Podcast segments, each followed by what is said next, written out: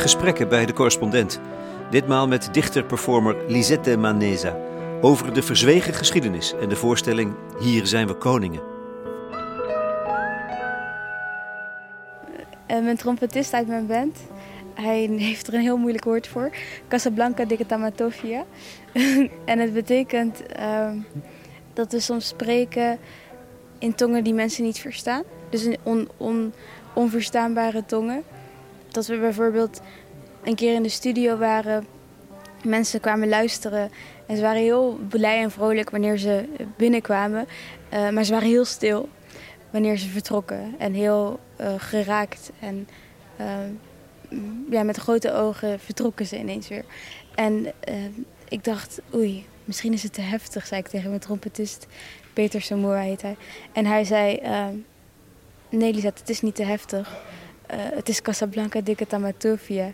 We hebben gesproken in een soort van onzichtbare talen. Uh, en het is aangekomen, of zo.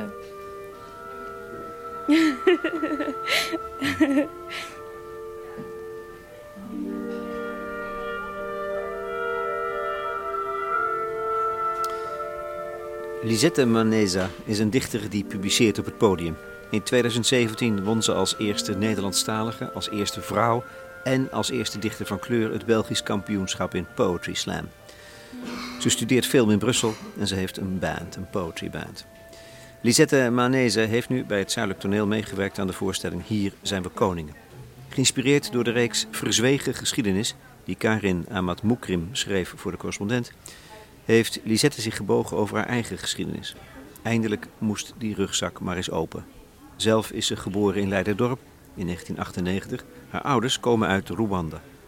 Die vluchtten voor de genocide die daar in 1994 plaatsvond en zetten hun leven in Nederland voort. Ze zwegen over hun ervaringen. Wat betekent dat voor hun kinderen, die dus opgroeiden in een geladen stilte met een verzwegen geschiedenis? Daarover gaat het, over spreken en zwijgen. Het gesprek vindt plaats op een markante plek, de prachtige bibliotheek van Breda. We zijn omringd met boeken in een geriefelijke atmosfeer van studerende, lezende en pratende mensen, jong en oud. Ik denk dat ik in een soort van meerdere bibliotheken ben opgegroeid en dit is er één van. Uh, dus dit is een periode in mijn leven dat ik hier vaak heen kwam. Maar dat is mooi. Op, opgroeien in een bibliotheek. Kan je er iets over vertellen? Um, Oeh. Ja, bijvoorbeeld, um, er is een bibliotheek in Gilserijen. waar mijn mama ons altijd heen bracht, elke woensdag. Echt consistent. Um, en ja, je groeit, een, je groeit een beetje op met, wat, met de informatie die je ontvangt, met de boeken die je leest, met uh, de verhalen waarin je wordt ge. Zoals als je een baby in het water legt of zo. En als een spons neem je die verhalen op. Um, en zo groei je op met verhalen van thuis, maar ook uit de biep, et cetera. Ja. Wat is jouw dierbare verhaal? Er zijn er natuurlijk heel veel, dat weet ik wel.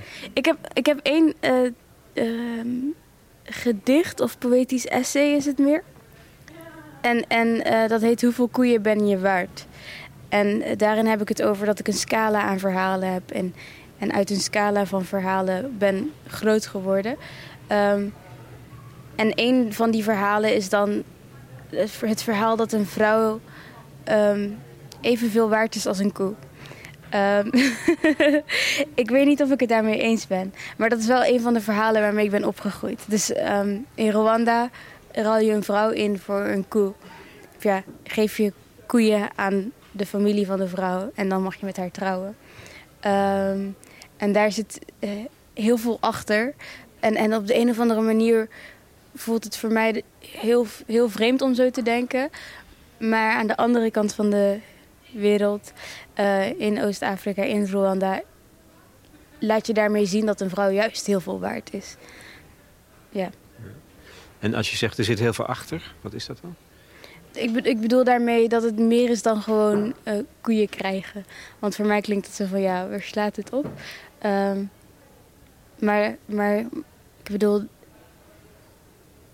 wat je daarbij voelt. Of, of uh, als ik mijn oma vraag, van, weet je nog welke koeien je had gekregen? En ze zegt, ja, ik weet precies hoe ze eruit zagen. Um, hoeveel dat betekent. Um, voor een, voor een ander deel of een eerder deel van mijn familie um, is helemaal anders dan wat het betekent voor mij of mijn zussen of mijn neefjes en nichtjes. Ja. Ambigu is het, hè? ja, inderdaad. Heb je hier veel gezeten ook in deze schitterende, rustige bibliotheek? Het is overal zitten mensen te werken, te praten. Je kunt koffie drinken, lezen, interviews houden. Ja, um, maar eigenlijk vooral in een kleinere biep. Um, echt in, in de wijk waar ik woonde. Um, en dan als de boeken die ik wilde lezen, er, als ze daar niet waren, dan moest ik hierheen. ja. En dan zat je hier ook echt te lezen? Of, in die kleinere bibliotheek? Allebei, maar hier kwam ik echt, dan, dan, dan had ik echt veel meer keuzes en veel meer uh, boeken die ik allemaal wilde lenen. Dus dan moest ik wel in de bieb lezen, want ik, ik wilde meer lenen dan ik kon, et cetera. en ik heb hier veel gestudeerd. En zijn er ook boeken bij die je leven hebben veranderd? Die je, die je blik op de wereld hebben veranderd? Dat vind ik wel groot. Echt mijn leven of, uh, ja. uh, of de wereld. Ik weet wel dat boeken soms um, de manier waarop ik denk over een bepaald thema of een bepaald gevoel, dat ze dat heel erg kunnen uh, aanscherpen misschien zelfs. Of, um, of, of omkiepen of zo. En ik heb bijvoorbeeld bij het boek Een Klein Leven... Um, dat ik daarin heel erg leerde op welke manieren je kunt omgaan met iemands pijn... of iemands verdriet of iemands trauma. Um, daar waar ik vroeger uh, misschien veel meer wilde weten of zo... of veel meer erover wilde praten als ik zag dat er iets was met iemand... Um, daarin begreep ik eigenlijk door een klein leven dat je soms ook uh, vanuit de stilte er voor iemand kunt zijn. En, en heel beschermend uh, met iemand om kan gaan. Zonder dat je echt in iemands verdriet gaat of zo. Erbij zijn. Ja, er zijn eigenlijk. Ja, en, en dat, het, uh, dat het ook niet per se gaat over wat is er met je gebeurd of zo. Zo, ja, zo'n dingen kunnen boeken met je doen.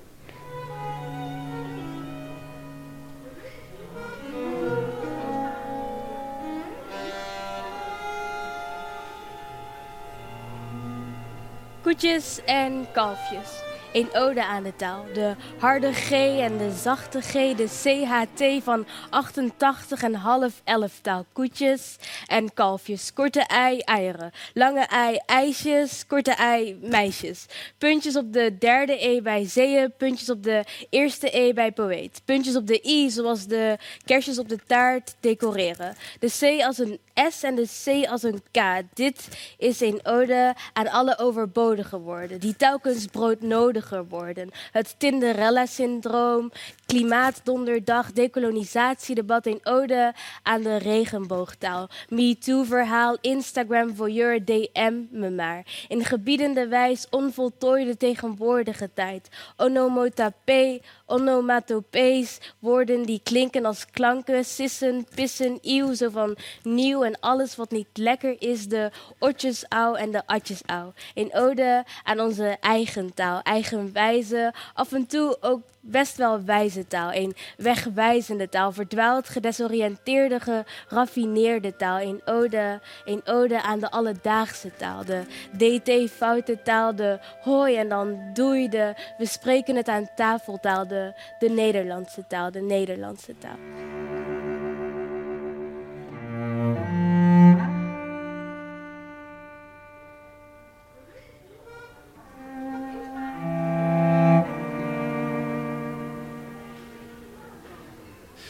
Er is een verzwegen geschiedenis. De correspondent heeft erover geschreven, Karin Amatmoetkin. Je hebt er een voorstelling over gemaakt. Uh, de Black Archives uh, houden zich ermee bezig. Dus het is gelukkig een samenwerkingsverband. Je staat niet in je eentje. Wat is voor jou de, de verzwegen geschiedenis?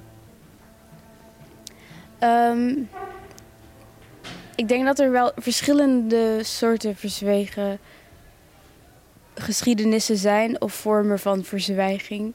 ja. ja. En, en, en als ik het zeg maar naar, als ik het breder trek, dan zijn het de verhalen die, we, die, die niet in onze geschiedenisboeken staan. Um, Maar als ik het heel persoonlijk naar mezelf toe trek, dan zijn het ehm, verhalen die, een, ehm, die liever niet door worden gegeven. Niet uit, ehm, uit de intentie om het te verzwijgen, maar eerder uit de moeite om het wel te vertellen of zo. Dus ik denk, ja. En het gaat, gaat je voorstelling over allebei? Voor mij persoonlijk gaat het echt over dat persoonlijke. Ja. Ehm, over, over verhalen die, die je niet over je lippen heen krijgt. Ehm, maar die je toch wel weer doorgeeft uh, in gevoel en in, in, in uh, copingmechanismes, et cetera. Daar gaat het voor mij meer om. Maar ik denk dat een ander daar weer wel uh, een ander soort geschiedenis uit zou kunnen halen. Laten we, nou ja, dan, maar dan wil ik er toch over doorpraten. Hm. Ook al is het in het besef hè, dat dat ehm, herinnering oproept of moet oproepen aan pijn. Hm. Aan verdriet uit het verleden. Hoe moeilijk is het proces voor jouzelf geweest? Want jij, bent geboren in Leiderdorp, maar je ouders niet. En daar zit het, denk ik. Um, ja, daar zit het. Maar voor mij zit het vooral in ehm, de, de, generatie die ik ken en de generatie die ik ben. Wij komen oorspronkelijk uit Rwanda. Uh, en daar is natuurlijk een verschrikkelijke genocide uh, heeft daar plaatsgevonden. Um, maar ik zou niet zeggen dat deze voorstelling over de genocide in Rwanda gaat. Um, want daar gaat het niet over en daar ben ik niet in gedoken. En daar weet ik niet genoeg over om het daar echt over te laten gaan. Maar wat ik wel weet of wat ik wel ken is um, wat het leven is um, daarna of zo. Of wat het leven is als, uh, als, als, als dochter of als... Ja, wat het is om eigenlijk een soort van het verder leven. Uh, zonder dat je weet wat er is gebeurd, zonder dat je het zelf hebt meegemaakt. Dus daar gaat de voorstelling eigenlijk vooral over. Of de teksten gaan voor mij over eigenlijk neefjes en nichtjes die onder de tafel leven. En het, ehm, de wereld van de mensen die aan tafel zitten meekrijgen. Zowel hun plezier en zowel hun trauma's. Uh, zonder dat ze het echt zien of kennen.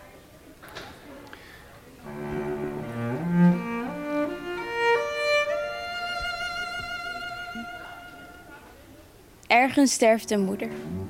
Overal sterven moeders uit. Ergens sterft een moedertaal, ergens sterft een moederland en ergens sterft een moeder binnenshuis. Sterven al haar kamers uit. Ergens in je leven soms, soms zie je haar. Soms zie je haar binnenin je leeft een vreemde in het huis. Binnenin je zit ergens nog een uitgestorven taal. Ergens is zij ook een vrouw. Een tot vrouw gemaakte mens. Soms Soms komt een vader thuis. Ergens komt een vader thuis. Dat is de soms van het leven. Soms vinden twee mensen elkaar allebei heel erg leuk. Soms blijft een meisje leven. Meisje, ik weet het niet, Simbizi. Meisje, waar zijn je ouders, Simbizi? Meisje, met wie was je hier dan, Simbizi? Meisje, meisje, waar woon je dan, Simbizi? Dan redt de man het meisje.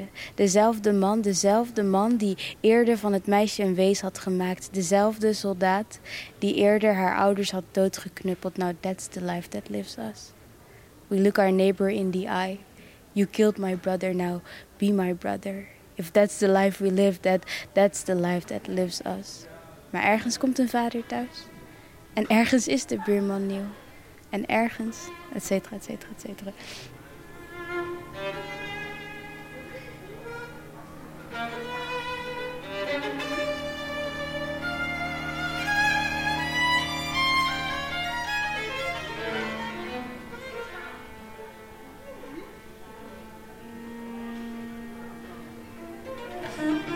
Wanneer kwam je erachter dat er zo'n dat je ouders zo'n trauma met zich meedragen? Uh, ik moet even nadenken. Het is, het, is, het, is wel dat je het altijd weet of zo. Dat je waar, waar je vandaan komt ehm, eh, en wat daar is gebeurd. Dus ik weet wel dat ik als jong, als jong meisje ehm, op de basisschool wist van ja, ik kom uit Rwanda. En je weet ook dat je Rwandees bent. En je weet ook dat je, dat je Kinyarwanda spreekt, et cetera.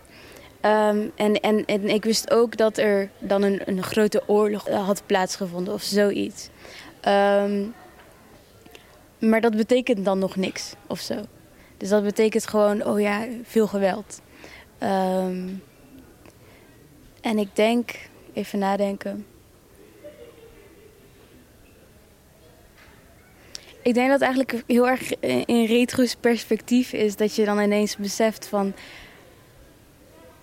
Oh, oh er, zijn veel, er is veel gebeurd en oh, daarom leerden we uh, die tante pas in dat jaar kennen, want ze wisten niet dat, dat ze nog bestond. Of um, ik weet eigenlijk niet, ik weet het niet zo goed, maar op een gegeven moment kom je erachter dat het verhaal dat je kent en dat je ook gewoon is verteld, um, dat het zwaarder is. Dus op, op een gegeven moment gaat het steeds iets zwaarder wegen of zo. Ja, zeker ook wanneer je um, op school of, of, of door mensen om je heen of door televisie leert wat, um, um, wat geweld betekent of zo. Dat je dan in retro-perspectief gaat denken van... oh, wacht, dat betekent ook dat dit verhaal zoveel heeft gewogen. En dan de verhalen die uh, onze ouders of familieleden erover vertellen... krijgen steeds een andere lading of zo. Ik herinner me nog dat ik een... Uh, ik heb een documentaire gemaakt over mijn grootmoeder in Rwanda. Um, en dan heb ik haar veel vragen gesteld over van alles en nog wat. Um, zowel over de koeien die ze kreeg toen ze ging trouwen, uh, als over of ze opa mist, of over um, ja, hoe, je, hoe je verder leeft wanneer je uh, al je broers en zussen bent verloren. Um, en dan, hebben we die film, dan heb ik die film laten zien aan mijn ouders wanneer die af was. En mijn broertje en zusje in de woonkamer. En mijn zusje was toen iets van um, zes of jonger, zoiets. En we keken die en mijn, en vader en moeder waren heel erg uh, stil aan het einde. En mijn kleine zusje was gelijk zo van... Oké, okay, gaan we nou iets leuks kijken? Of, of, of ze wilde gewoon gelijk door. Ja. Te klein om het tot zich door te laten dringen. Ja, inderdaad, inderdaad. En, en dus, dat, dus dan heeft ze wel een verhaal ontvangen daarover. Ja. Um, maar dan heeft het verhaal geen lading of geen, geen zwaarte of uh, geen impact misschien zelfs. Um, terwijl als ik haar nu die film zou laten zien, uh, die documentaire, nu ze 12 is, um, zou ze misschien even stil zijn geworden als mijn ouders. Zoiets. Ja. Dus je hebt tijd nodig, leeftijd, om het verhaal tot je door te laten dringen. Ja. Hebben je ouders er überhaupt iets over gezegd? Over de film? Ja, mijn vader heeft ook meegeholpen. Dus hij was er ook heel constant bij. Um, hij heeft me ook um, geholpen met de vragen die ik mijn oma zou stellen, et cetera. Mijn moeder ook via uh, de telefoon. Uh, want het is haar mama. Um, ze hebben er wel iets over gezegd. Ik weet niet meer precies wat. Maar eerder als als dochter van mijn oma. Weet je wel? Dus dat mijn moeder um, gewoon naar haar moeder keek. Dus niet per se uh, naar een groter, een groter uh, probleem keek of een, groter, een grotere gebeurtenis keek. Maar dat ze vooral eigenlijk gewoon gefocust was op haar moeder. Ja. En oh, ze ziet er wel zo uit. En oh. ja. Heb je zelf al is het maar bij het maken van deze voorstellingen, verzwegen geschiedenis, Lisette Maneza. Heb je, ben je zelf verhaal gaan halen bij je ouders? Heb je ze vragen gesteld? Ik kan me voorstellen dat je zo graag wil weten. Wat hebben jullie meegemaakt? Wat heb je gezien? Hmm. Hoe ben je gevormd? Of, of heb je dat niet gewild? Ik heb wel verhalen die mijn vader mij vertelt. Ook in mijn andere voorstelling met de, met de Poetry Band heb ik vaak wel verhalen die mijn vader vertelt over, um, over de genocide. Zoals het meisje Simbizi, waar ik, over net, waar ik net over vertelde in mijn gedicht. Uh, dat is een naam, dus Simbizi. Simbizi betekent ik weet het niet. Dus meisje, ik weet het niet. Uh, ja. En dan wordt daar een vraag gesteld en ze weet het niet. Um, hm. um, Zo'n verhalen vertelt mijn vader me wel, wel vaker. Um, en het is ook heel erg inspirerend om, om ze dan door te vertellen.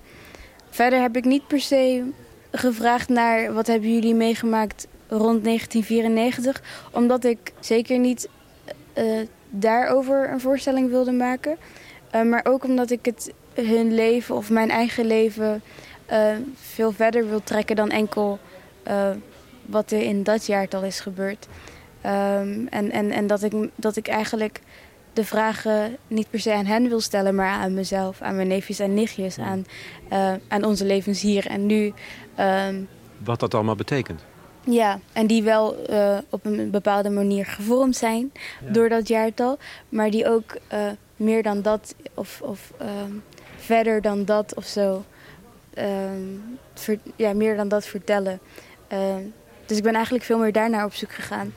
En ik... Oh, ja, sorry. Mag ik vragen, wilde je niet een voorstelling maken over 1994, de genocide in Rwanda? Of durfde je niet? Ik wil het niet, omdat ik het zelf gewoon niet ken. En omdat ik, het is, het is niet in die zin mijn verhaal of zo. En het is niet waar mijn verhaal, zelfs al zijn de verhalen die voor mij kwamen ook mijn verhaal. Het is niet waar ons verhaal stopt. Um, ja. Het is op die manier dat ik um, hm. mij meer heb gefocust op... oké, maar wat is het verhaal nu? Um, ja. En hoe ben je dan gevormd? Als je zegt, ik onderzoek eigenlijk hoe ik... maar ook mijn leeftijdsgenoten en lotgenoten... Wij, je bent geboren in Leiderdorp. He, daarna pas, in, in, vier jaar later. Maar het heeft je wel gevormd. Mm. Ik vind het een te moeilijke vraag. Ik weet niet zo goed. Uh, zou je hem anders kunnen stellen misschien? Je was er niet bij. Mm. Maar het heeft je wel gevormd. Je, je, draagt het op een of andere manier toch mee. Mm. Dus, dus wat draag je er dan in het, in het zwijgen van je ouders? Heb je toch het verhaal meegekregen? Of iets van het verhaal? Of iets van je ouders? En dat draag je wel degelijk met je mee. En wat is dat voor soort erfenis?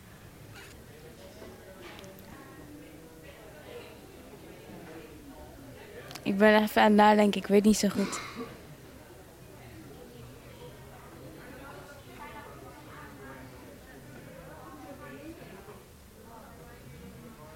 Ik denk dat, dat gewoon in de lessen die je, die je ontvangt of zo, of in, in de manier waarop we worden opgevoed, dat daarin. Um, ja, het is wel lastig omdat ik, omdat, omdat ik, ik sowieso niet anders ken of zo. Um, um, maar dat, daarin wel, uh, dat je daarin wel bewust bent van um, het leven is meer dan dit of zo. Of het kan allemaal zomaar voorbij zijn. Of we gaan altijd door. of bijvoorbeeld wanneer ik jonger was, heb ik wel eens een gesprek gevoerd met papa. Um, als, we de vliegtuig, als we het vliegtuig in zouden gaan. En, en ik had iets gezien op het nieuws van een, jongetje dat alleen was overgebleven en de rest van zijn familie was, uh, was, ja, was, was door een vliegtuigongeluk overleden. En dat ik dan zei van, ja maar papa, hoe kan je dan nog verder leven? En dat hij zei van, ja maar je moet, je moet verder leven. En dat hij dan iets zei van... Ehm, uh, jij hebt dan nog wel jouw leven, stel dat zou gebeuren. Dus in, in dat soort dingen, dat je uh, op de een of andere manier meekrijgt dat, dat, dit, dat dit niet alles is of zo. Um, zoiets, denk ik. ik denk dat mijn ouders um, bepaalde dingen net iets anders hadden gedaan. Ik weet niet wat precies, maar net iets anders hadden uitgelegd of net op een andere manier uh, aan ons hadden verteld. Uh, als, als, als ze de genocide niet hadden meegemaakt. Dus ik denk die lessen.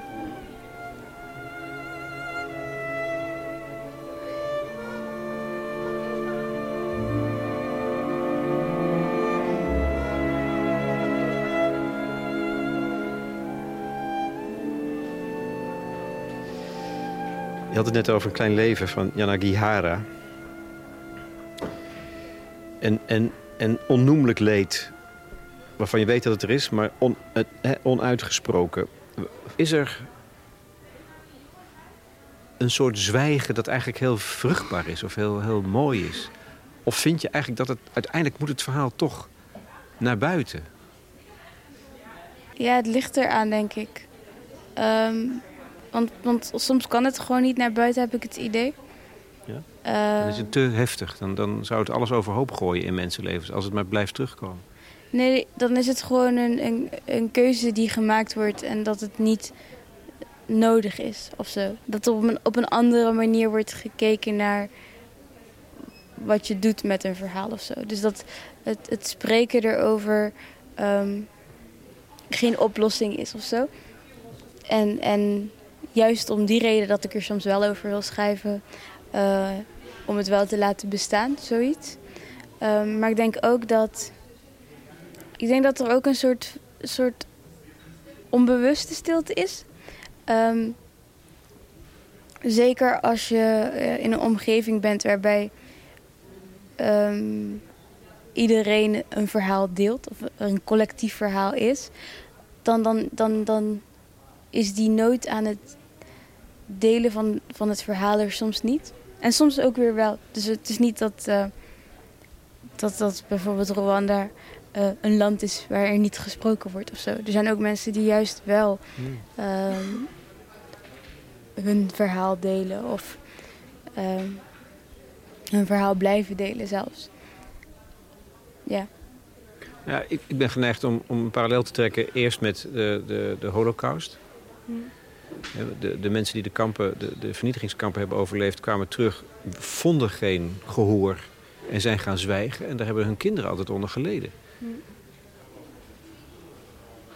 Ik, ik, weet het niet, ik weet het niet zeker. Um, het, het, voelt wel zo, maar ik denk dat ik er niet genoeg over uh, weet in die zin om dat te kunnen zeggen, denk ik.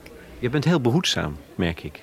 Ik vind jou heel behoedzaam als het gaat om wat je wel en niet wil zeggen. Wat betekent behoedzaam in deze zin? Voorzichtig. Dat je, dat, je, dat je niet snel je zal laten verleiden tot grote uitspraken... terwijl je denkt, ja, ik weet helemaal niet of ik dat waar kan maken. Ja, dat komt doordat um, mijn leven ligt gewoon veel verder weg van de genocide dan, uh, dan er soms wordt gedacht, omdat ik Rwandees ben. Dus uh, ik ben Rwandees, ik kom op een plek en er wordt mij gelijk heel veel bijgepraat over, over het land of over wat daar is gebeurd of over wat een ander daar heeft geleerd dan ik zelf weten kan of zo. Dus um, op, op die manier dat ik denk van ja, leer mij, maar, leer, leer mij er maar over. Dan dat ik er iets over ja, ja. aan de anderen zou, over zou leren, zoiets. Ja, maar ja, dat geldt dus ook, dat, en in dit geval dus ook voor tweede generatie, derde generatie um, slachtoffers van de, van de holocaust. Hmm. Daar, daar, daar, heb je dan precies hetzelfde bij eigenlijk. Dat is te ver weg en dat is niet mijn tragedie. Hmm. Het, het, ik, wil het, ik wil het wel, uh, uh, in me, zeg maar, het mag wel in mijn rugzak zitten. Uh, dus ik zou niet zeggen van het, is niet, het, het, hoort niet bij mij. Of de verhalen van, wie, van de mensen die voor mij kwamen zijn niet voor mij. Want dat, is, dat, dat voel ik wel. Van het is wel um, een lijn die ik... of een, een pad waarop ik verder mm -hmm. wandel. Maar ik denk dat, uh, dat, dat het leven nu of zo um, heel anders is. En dat het leven niet enkel wordt bepaald door uh, één groot traumatisch geval. Je hebt, je, je, je hebt geworsteld met de voorstelling, zei je? Hm. Tegen mij. Waarom? Uh, het, was heel, het, was, het was heel lastig om dit verhaal specifiek, uh, om mijn verhaal um, aan anderen te geven um, op de werkvloer. Dus om, om er met een regisseur mee aan de slag te gaan, um, die ik ook op de werkvloer pas leerde kennen. Dat was heel erg lastig voor mij. Ik denk dat als ik het breder had getrokken en veel meer op zoek was gegaan naar een collectief verhaal, dat het appeltje eitje was geweest. Maar doordat ik bijvoorbeeld, als ik het heb over moeders, dan heb ik het over vrouwen, uh, tantes, kennissen die ik gewoon door en door ken en die ik voor mij zie en die, uh, ja, die ik niet opschrijf uit uh, fantasie of zo. Maar dat, het zijn zo'n specifieke mensen voor mij dat ik het heel erg lastig vond mm. om te zien hoe anderen daarmee aan de slag gaan. of soms een andere ja, met soms een andere smaak dan ik. Dus dat was een beetje de worsteling voor mij. Maar je treedt toch wel op in de voorstelling zelf? Ja. ja. ja. Dus je, je doet je eigen teksten? Nu, ja, uiteindelijk wel. Ah. Ja.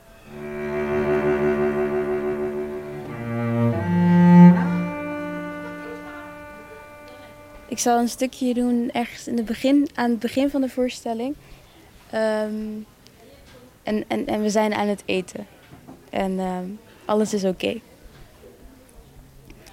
Het is goed zo. Het is goed zo. Er is hier peper, er is hier zout. Baby's worden van liefde gemaakt, van alle wijn wordt inmiddels water gemaakt. En ziezo, wij? Wij helen elkaar. Vis, brood, delen met elkaar wat de langste nachten zijn geweest. Soms zit het in ons om samen te leven. En soms zit het in ons om gieters, sproeiers en kachels voor elkaar te wezen. Het, het had al opgehouden met regenen. Iemand pakt iemand vast. Iemand zet iemand op schoot en vertelt het kind een verhaal. De stilte, die wordt van grootmoeder op moeder op, op, op mij doorgegeven. Met kerst geven we elkaar ingepakte dozen lucht. We geven en we nemen en we nemen en we geven. We doen ons best. Het is goed zo. Wij houden van elkaar.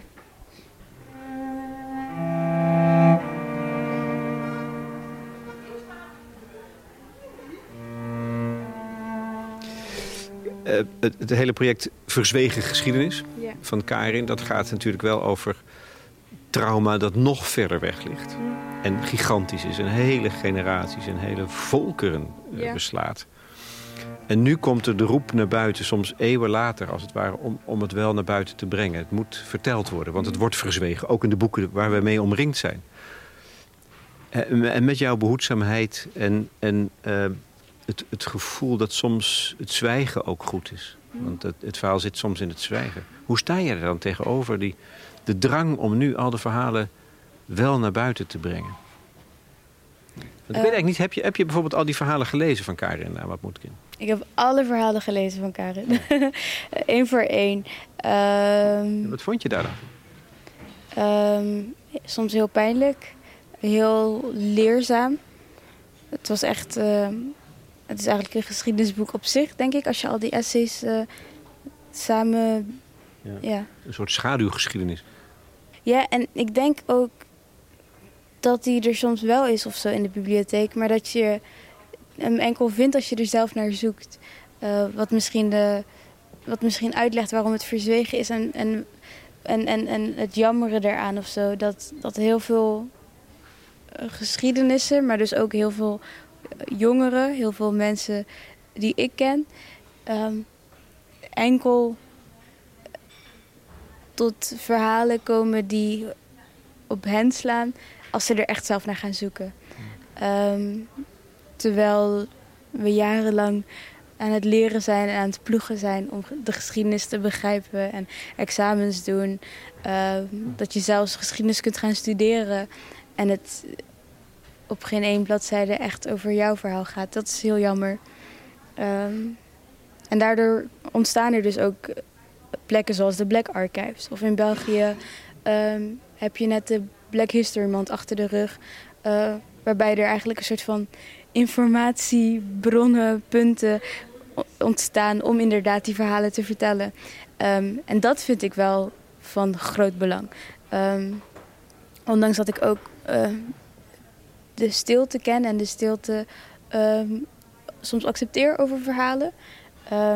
Zijn er verhalen waar, waar geen stilte over hoeft te heersen. En er zijn verhalen die, die, die al verteld zijn, die we gewoon omhoog moeten brengen of in het licht, ja, licht zouden moeten geven. En er, zijn, en er zijn ook feiten, denk ik. Als in, er zijn ook dingen die gebeurd zijn. Um, en, en daarover hoeft niet gezwegen te worden.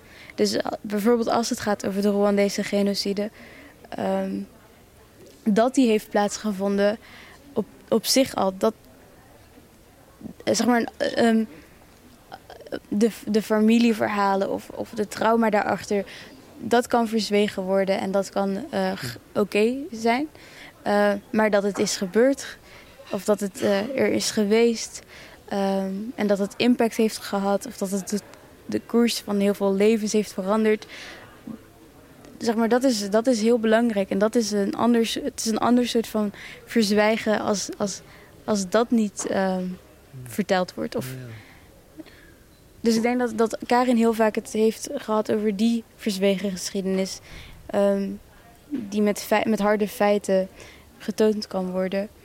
eh, maar die gewoon niet verteld wordt. Of die gewoon niet... ehm, die geen plek krijgt ehm, in de tijdlijn van de geschiedenis die we leren. Dus het komt erop aan om en te vertellen en te zwijgen. Vooral vertellen. Vooral vertellen. Ja. Ik denk dat zwijgen is... is eh, Oh, in, in België heb je iets moois. En, kent u dat? Zwijgen is geen optie. Vertel. Kent u dat niet? Nee. Oh, dat moet u kijken.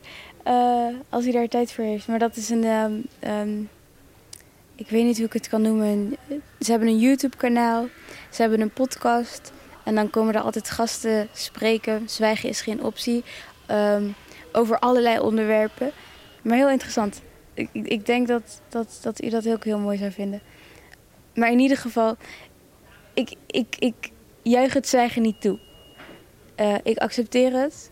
En ik begrijp het eh, vooral. Maar ik juich het niet toe. Ik, ik, ik... In, aan het einde van de voorstelling zeg ik dat ik... ik ver- misschien verkies ik dan toch wel een moeder die uit liefde kiest te zwijgen. Maar door het maken van de voorstelling is dat eigenlijk niet de waarheid. Ik, ik verkies het juist om die stilte te doorbreken. En ik wil juist wel dat die verhalen er zijn en bestaan en verteld worden. Ondanks alles. Ja. Uiteindelijk toch. Ja. Ja. Door de, en, dat, en daar kom je achter door deze voorstelling gemaakt te hebben. Niet per se door de voorstelling, maar wel door mijn artistieke praktijk. Waarin ik ehm, ehm, met woorden kan doen wat ik zou willen. Dus ik, ik, kan eigenlijk echt de keuze maken van... ik ga dit soort gedichten schrijven, of ik ga dit, dit doen, of ik ga dit doen. Maar dat ik toch wel bewust ervoor kies ehm, om het wel over bepaalde onderwerpen te hebben. Ehm, doordat het belang daarvan eh, of de urgentie zo hoog voel of zo. Ja, de- de- om een aangrijpend voorbeeld te geven, de dood van eh, George F- Floyd. Waar je een fenomenale tekst over hebt geschreven, vind ik. Dank u wel.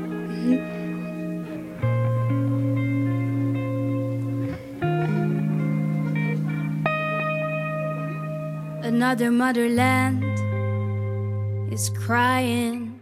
Another brother ends. He's dying.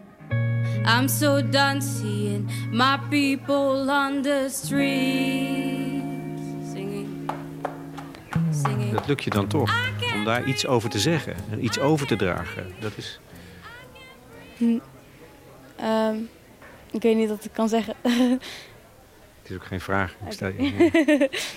ja. Nee, maar omdat dat, dat fascineert mij wel dat jij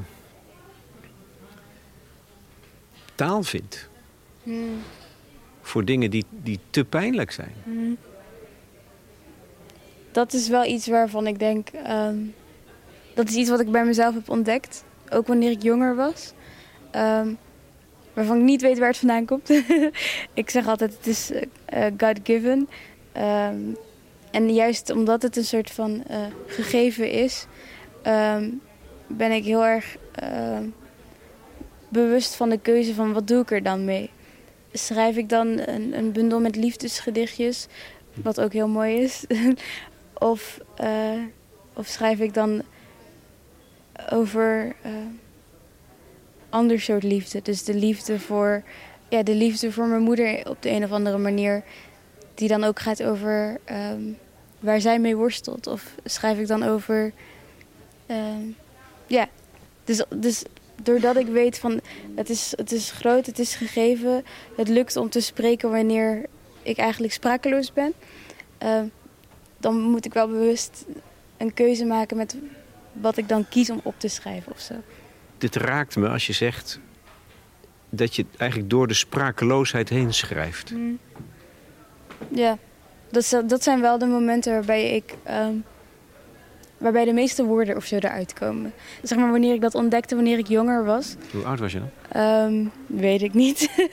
ik, maar ik heb een voorbeeld. Ik weet niet hoe oud ik was, maar ik weet wel dat ik heel veel van schrijven hield. En van gedichtjes en liedjes schrijven, et cetera. Eh, dat ik op een gegeven moment ook zo... Mama, ik ga gedichtenbundel schrijven. Ehm, Hm. wanneer ik nog jong was. Maar ehm, dat er bijvoorbeeld momenten waren waarop ehm, een klasgenootje zijn, zijn vader was verloren. Die had zelfmoord gepleegd. Ehm, en iedereen was er stil van natuurlijk. En, en juist, juist op zo'n moment schreef ik een hele lange brief. En vloeiden er superveel woorden uit mij. Ehm, terwijl, terwijl dat klasgenootje was een nieuw klasgenootje. Ehm, het was een jongetje dat altijd met andere jongens was. En ik ging helemaal niet met hem om op, die, eh, op een eh, ehm, hele vriendschappelijke manier. Maar toch kreeg ik die woorden en toch wilde ik die aan hem geven. En toch heb ik dat gedaan. En toch heeft, stuurt hij mij nog steeds eh, jaren later van... Oh, ik, mijn moeder vond de brief weer nog steeds bedankt. Ehm, dus dat ik op dat soort momenten, momenten ontdekte van... Oh, er is hier iets. Ik heb geen idee wat het is, maar ik moet er iets mee of zo. Het is een stroom dus. Je zit dan in een soort stroom van taal. Of er gaat iets stromen op zo'n moment. Mag je dat inspiratie noemen? Of Ik weet niet hoe ik het zou noemen, maar ik denk dat ik eerder zou zeggen dat er gewoon ineens woorden zijn. Misschien een woordenstroom dan. Ehm, maar dat ze wel er ineens zijn. En ehm, niet om uit te spreken, maar wel om, maar om op te schrijven. terwijl jij een performer bent als dichter. Klopt. Hè, er is, er is, ik bedoel, dat, is ook, dat is ook speciaal. Vind ik speciaal. Dat voel je. Net als bij Amanda, Amanda Gorman, die zo de hele wereld heeft geraakt. Dat heb jij ook, diezelfde kwaliteit. Er zit, wat is dat? Het, het is, de, de taal op papier is niet genoeg. Vraag ik. Even nadenken. Ik denk, wat is het? U stelt wel hele grote vragen, hè? Vind je het vervelend?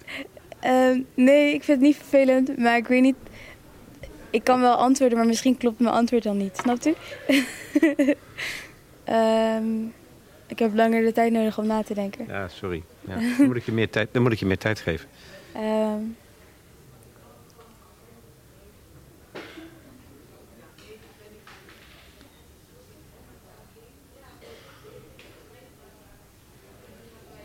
dus uw vraag is, wat is het waardoor we dat performen? Of waardoor... Ja. Wat, wat vind je in de performance? In het uitspreken of uitzingen, maar het is ook weer geen rap. Hè, dat, dat, je, dat voor jouzelf van wezenlijk belang is ten opzichte van de woorden op papier. Ik denk dat het voor mij, ehm, wat ik zeg ook van, ik wil graag publiceren op het podium. Ehm, eerder dan op papier. Ook al schrijf ik eh, vaak wel eerst op papier. Soms, soms niet per se. Ehm, maar dat het heel erg gaat over dat het echt uit mij komt of zo. Of dat het echt is. Of dat het ehm, dat mijn stem er op de een of andere manier ook aan gekoppeld is. Ik denk dat ik dat ook vaak zie als ik naar eh, andere slam poets of spoken word artiesten kijk. Dat het deels gaat over het onderwerp waarover ze hebben, maar ook heel erg gaat over hen. En over een plek in, in, in het hart waar het vandaan komt of zo. Ehm, en dat je dat gewoon heel duidelijk ziet wanneer eh, iemand echt eh, voor je staat en een gedicht voortbrengt. Ik noem dat ziel. Die, ja, er is adem. Er is, Oh, zo. Het is niet een abstractum, nee, het is van vlees. De taal is van vlees en bloed. En is dus bezield, als het ware. Zou ik bijna willen zeggen. Ervaar je dat zo? Eh, nu ga ik misschien weer behoedzaam doen. maar ik weet niet zo goed. Ziel is voor mij een woord dat ik nog niet begrijp. Dus het is echt een heel groot woord dat ik wel heel vaak zie en voel of zo. Maar ik weet niet zo goed wat het is. Dus ik weet niet of dat klopt. Maar het klinkt wel heel mooi.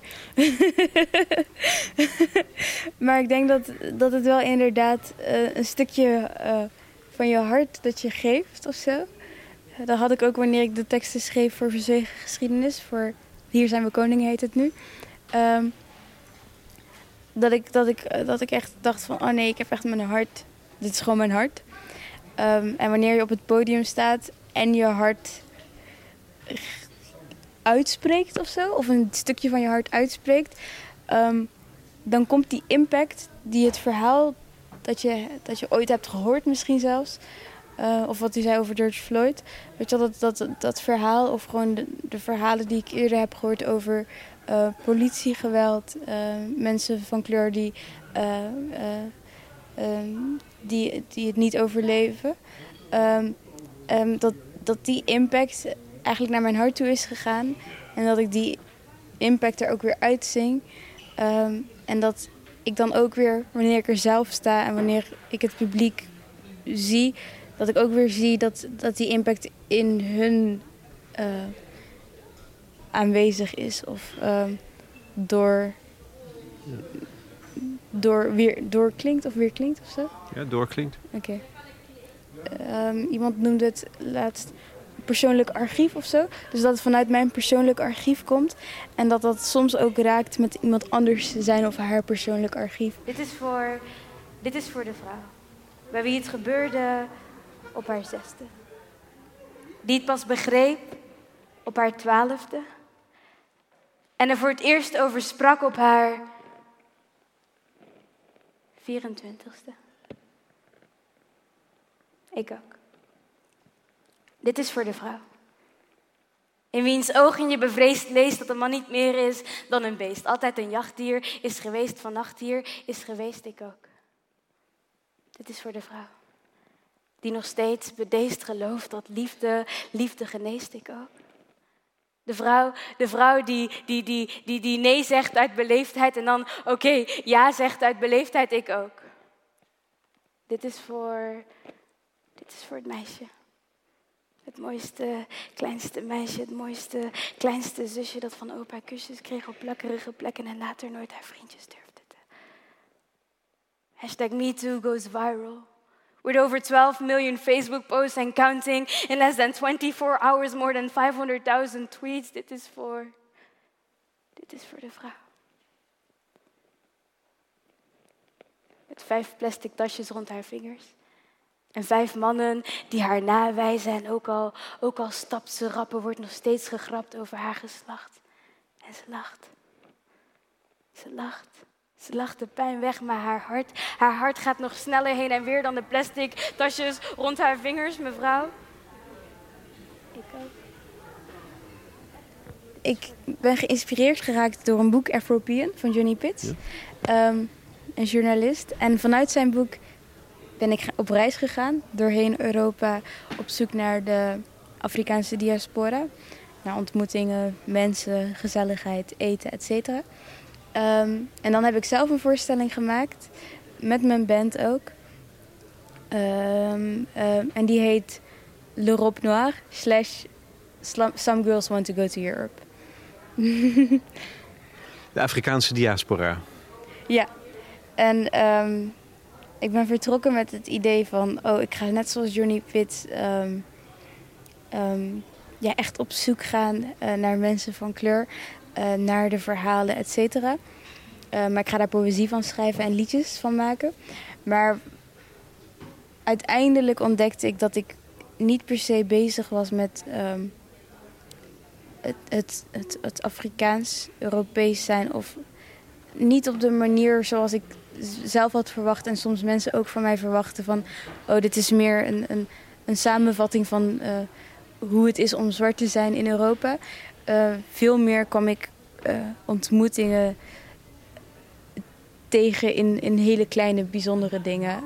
voelde ik me thuis doordat iemand precies op dezelfde manier iets kookt als ik. Of... Hm liep ik een hele kleine boekenwinkel binnen en ontdekte ik daar dat er een uh, poëet was die precies van dezelfde literatuur hield als ik. Dus het werd veel. Um, het zeg maar, wat begon als een soort concept, werd veel uh, menselijker of zo. Um, en ging veel meer over um, hoe je je thuis voelt in andere mensen ehm, op hele bijzondere manieren. En dat is het antwoord op het gevoel van in een diaspora leven. Heb, heb, je, heb jij het gevoel dat je in de Afrikaanse diaspora leeft? Ehm, niet per se. Nee. Eh, ehm, dus daarom ook dat die zoektocht uh, helemaal niet meer daarover ging of zo. Ja, ja. Uh, en dat ook het resultaat daarvan een hele innerlijke reis werd. En veel meer ging over het leven. Veel meer ging over... Um, ik weet niet of je het boek kent. Hoe heet het? Letters to a Young Poet. Ja, Rielke. Ja, en dat heel erg gaat over het leven eigenlijk gewoon. Um, dat lees je nu, de brieven aan, uh, aan een jonge dat dichter? Las ik, dat las ik ooit. Maar um, op die manier ging deze reis eigenlijk ook over het leven. En over... Um, ja, het ging veel meer over het leven dan het ging over Afrikaanse diaspora. Ja. Ze vertrekken zonder hun huissleutels. Slaan blikken, beelden op van elkaar, alsof het de laatste zijn. Dit is nog voor ons bestaan. Wanneer de rode aarde onder ons transformeert in een onbewoond plaats. Hoor nu. In de verte ligt het eerste verhaal al klaar om opgeraapt te worden, maar wij, wij willen nog even genieten van de stilte. We trekken naar de zee om daar wat ons niet is verteld uit te vissen, even kijken of het op marktplaats staat. We ontdekken steeds meer moedervlekken bij elkaar. Proberen de lijnen in onze handpalmen uit te wissen omdat, omdat ze ons doen denken aan een weg terug naar huis.